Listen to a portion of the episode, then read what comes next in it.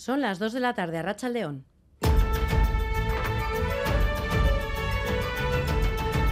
Crónica de Euskadi con Irache Martínez. Las reformas de pensiones siguen llevando a miles de personas a las calles en Euskal Herria. Hoy los focos están puestos en Bilbao y Bayona.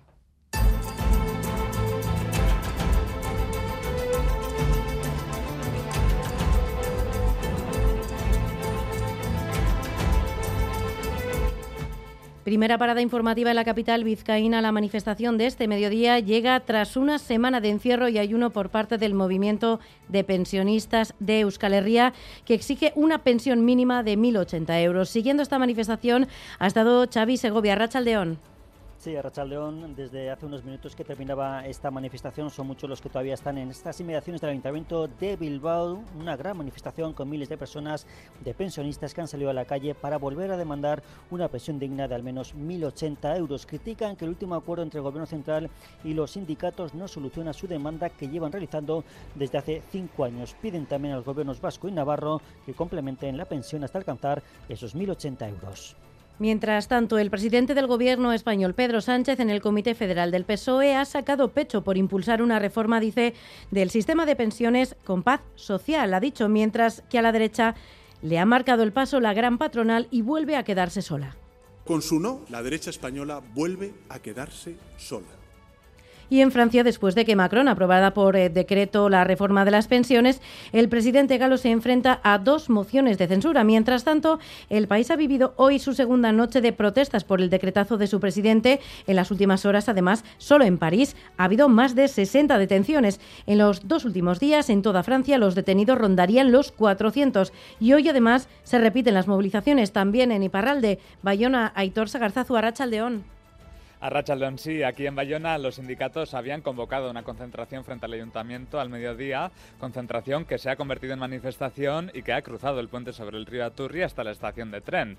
Hoy con menos manifestantes que estos últimos días, pero se nota ese enfado después de que el gobierno de Macron utilizara el artículo 49.3 para forzar la reforma de las pensiones. Y este enfado se seguirá viendo durante esta próxima semana, según comunica la intersindical. Mientras tanto, el cine vasco sigue de nuevo cosechando éxitos, esta vez en el Festival de Cine de Málaga. 20.000 especies de abejas de Estíbal y Zurresola se ha llevado el premio a la mejor película española, La Biznaga de Oro, y Patricia López Arnaiz, La Biznaga de Plata, a la mejor actriz de reparto en esta misma película, Nerea Inchausti. Arrachaldeón. Arrachaldeón, la ópera prima de Estíbal y Zurresola, 20.000 especies de abejas, ha ganado La Biznaga de Oro a la mejor película española en el Festival de Málaga. A este premio se le suma el de Premio Feroz Puerta Oscura, galardón otorgado por los periodistas miembro de la Asociación de Informadores Cinematográficos. En Más que Palabras de Radio Euskadi han hablado con la directora Urresola y agradecía el premio al tiempo y el esfuerzo invertido.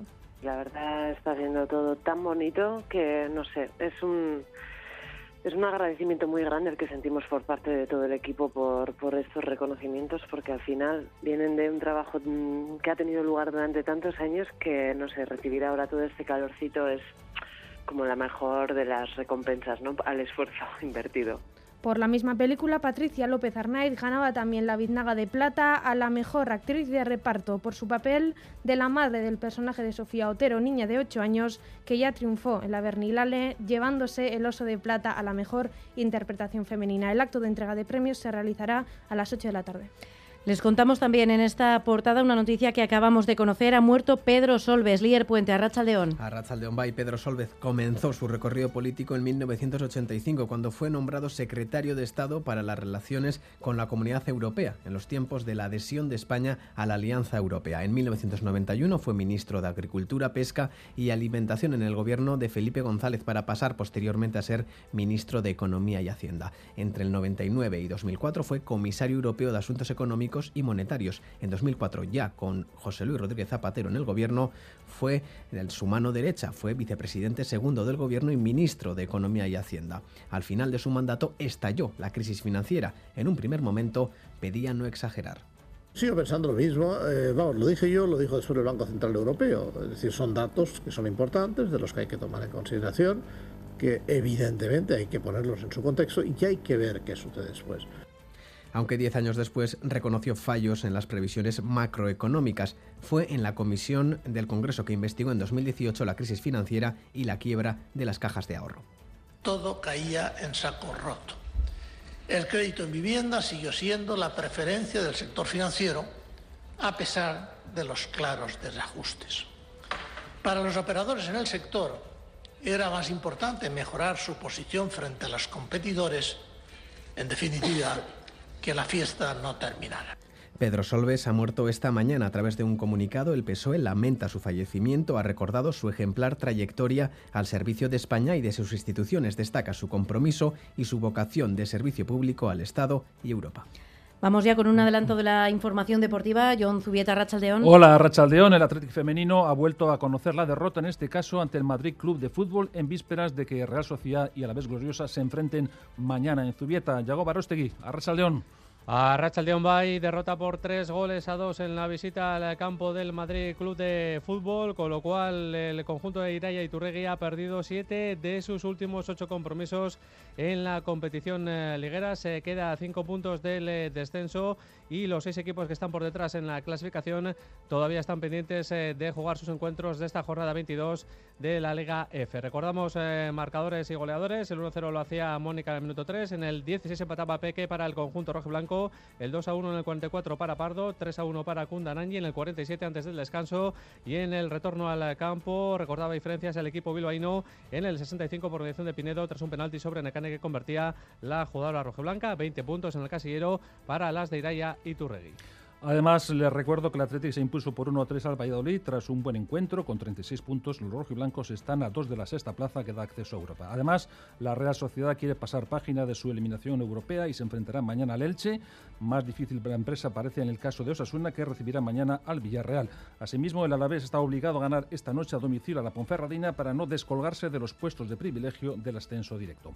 En pelota, el frontón Labrit acoge esta tarde el apasionante duelo entre el Lasso Imaz ante el Ordi Zabaleta dentro de la liguilla de semifinales del manista de parejas y un apunte de ciclismo, la Milán San Remo reúne a un intratable Pogachar, sin olvidar, por supuesto, la presencia de Pello Bilbao, Lazcano y Aramburu. Tenemos ahora mismo 18 grados en Donostia, 16 en Bilbao y Bayona y 14 grados en Vitoria-Gasteiz e Iruña. Vamos con el pronóstico del tiempo para las próximas horas. Euskalmet, Jaione Munarri, Zarrachaldeón. Caixo de Rachaldeón, poco a poco el viento va girando a oeste o noroeste, bajando la temperatura y aportando nubosidad y lluvia. Y es que durante las próximas horas una línea de inestabilidad eh, cruzará el territorio dejando chubascos a su paso. Chubascos que se irán extendiendo de oeste a este y que localmente podrían ser más intensos con probabilidad de que se produzcan algunos chubascos eh, tormentosos. Por tanto, tras una mañana tranquila y con claros, la tarde será más inestable y vendrá marcada por esos chubascos. Y mañana domingo durante la mañana el cielo se mantendrá nuboso lloverá algo, sobre todo en el norte, y con el viento del noroeste el ambiente también va a ser más fresco, con máximas entre los 13 y los 15 grados. A lo largo de la tarde las precipitaciones se remitirán y la nubosidad irá disminuyendo con el paso de las horas. Por su parte, en el sur de Navarra la nubosidad estará más rota desde primeras horas de la mañana y el ambiente aquí será seco en general.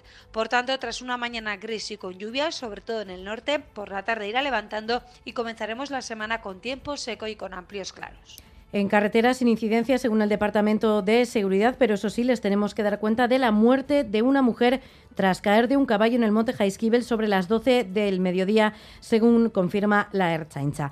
En el control técnico, Joseba Urruela, Jesús Malo y Asier Aparicio, son las 2 y casi 9 minutos de la tarde. Seguimos. Crónica de Euskadi, con Irache Martínez.